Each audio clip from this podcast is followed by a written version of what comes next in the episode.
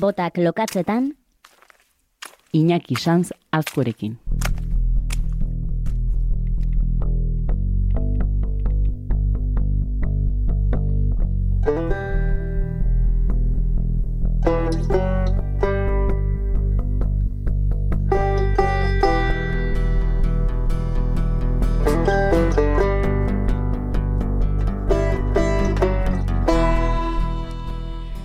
Denboraldia alderik alde gurutzatzen duan kauboia zoroitzen gara, hilero hilero astintzen ditu botak gure ostatura sartu horretik, txundituko gaituen historia bat kontatu asmoz.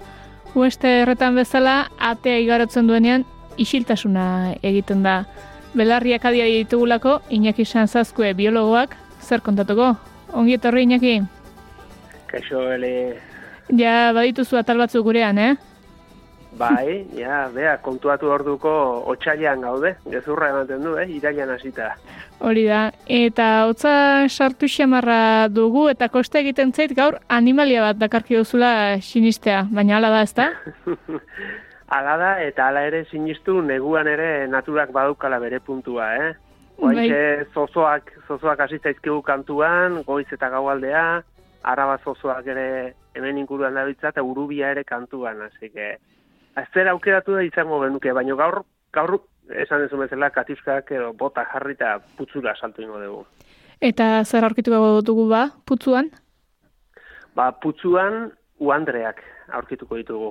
Uandreak eh, anfibio, anfibioak dira, hau da, pentsatu behar deguna ura eta lurraren artean mugitzen diren talde hori, baina anfibioen barruan bai da bi adar, esango nuke, bi multzo, batzuk eh, anuroak deitzen dianak, da, isatxik gabeko heldut, helduak dianean isatxik ez duten anfibioak, eta beste batzuk urodeloak. Eta gaur aipatuko dugun uandrea, edo uandreak, ba, urodeloak izango liateke. Alegia, heldutasunean isatxa duten anfibioak izango liateke. Eta horien artean, okerrezpanago, bat berizteko asmoa duzu. Bai, izan ere Euskal Herrian, ba, espezie bat baino gehiago ditugu, baino bat aukeratzearen uste dute aproposa izan daitekela uandre palmatua. Da, Euskal Herrian banaketa oso zabala du, izango nuke Nafarro hegoaldean izan ezik, gainontzeko eremu guztietan aurkitu dezakegula, eta horrez gain ba ikusteko ez da hain zaila sortatzen, topatu daiteke hasi baso edo zelai ingurutako putzu zuloetan, hau da putzu txikietan, e, pistetan, mendipistetan aurkitu daiteken putzuetan, edota sarri ere eta ahozkotasunean ere jaso izan dugu, asketan aurkitzen da, edota garbilekuetako eremu horietan, ez?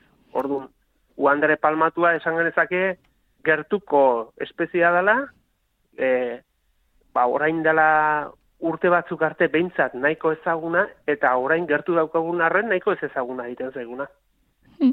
Garai hontan ze ikusiko genuke e, uandrea bera, bere arraultzatxoak edo zer ikusiko genuke otsailean. Ez, ba, kasu honetan uandreak hasiko zaizkigu ja putzuetara gerturatzen.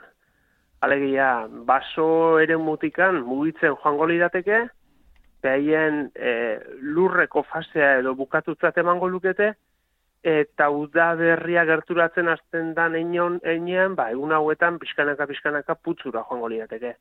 Zertara, ba, ba ugal garaia hasten dalako, behaien ugal garaia ja otxaila martxoan hasten da, eta ikusiko nituzke helduak, eta gainera helduak ikusiko nituzke behaien ugal garaiko dantzarekin, ez? Horretarako ba, pazientzi pixka bat eduki, eta ikuste ditugunean, ba, ba hau dela uandre palmatu batzuk, baino gehiago, ba, putzu berean, ba, ikusiko genuke nola arra gerturatzen da nemearen gana, eta astintzen duen e, bustana, eta egiten duen horrelako e, dantza antzeko bat, ez, emearen ondoan.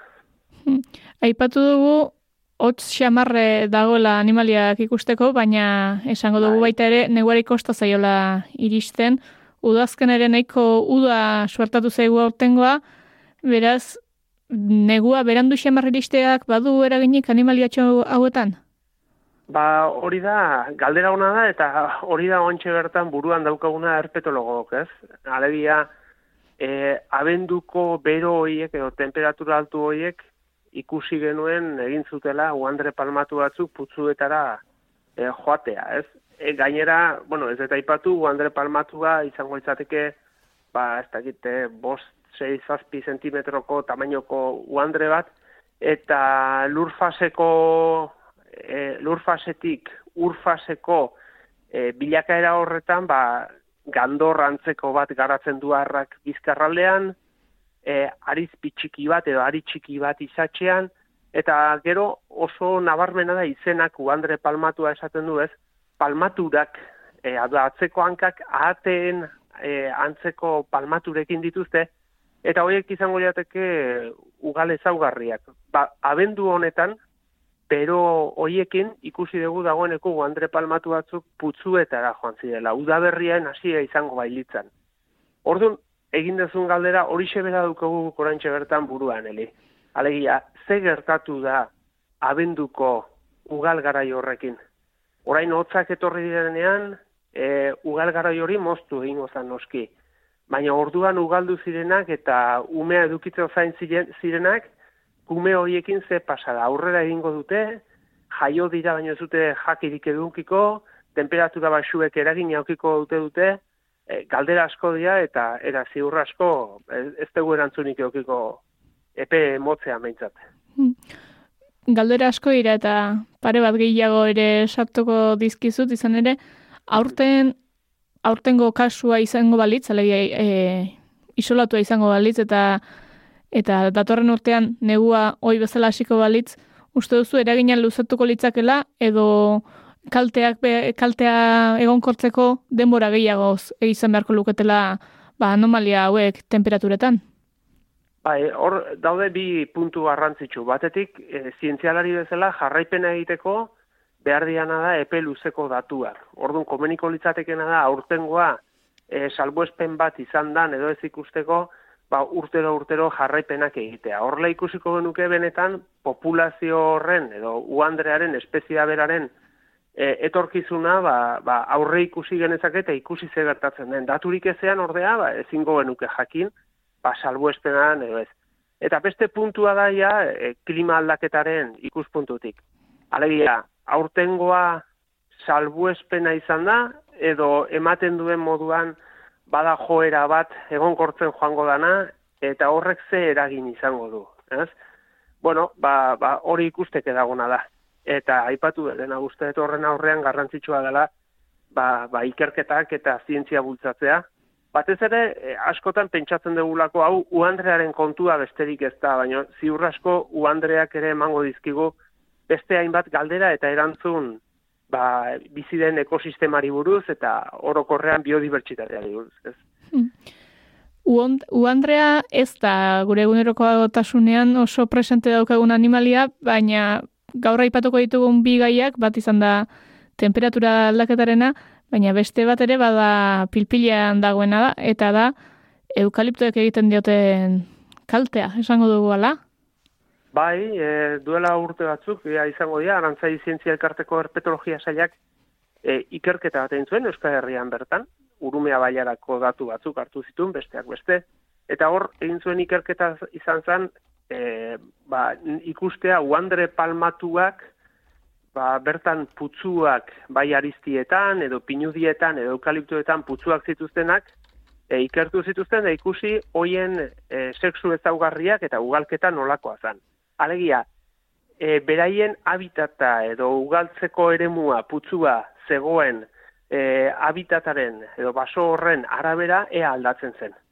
Bueno, emaitzak nahiko esangarriak izan zian, arizti eta pinudien artean ezen sekulako aldea egon, eta hor arrazoi bat badago, ba, pinudi asko zaharrak zirelako eta azpitik ba, basopetik bazetorrelako bertako basoa, Baina gero eukaliptuen kasuan, ba, nahiko nabarmena izan zen, ba, kaltea edo eragina handia egiten zuela, ez?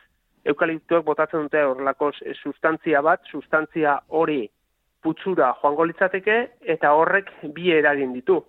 Batetik, e, ugalketa sexualerako, ugalketarako ezaugarri sexualak txikitu egiten ditu, eta horrek egiten duna da, ugalgara irako, ba, erabiltzetuzten gandorroiek eta txikiagoak izatea, eta beraz, ez izatea hain erakargarriak, kasu honetan harrak, eta bestetik osasun maila. Hemen kasuan ikusten zuten Andre Palmatuen emek osasun eskaxagoa zaukatela, eukaliptoetan zeudenen kasuan, eta orduan ez zutela horren besteko energia gastatzen ugaltzeko.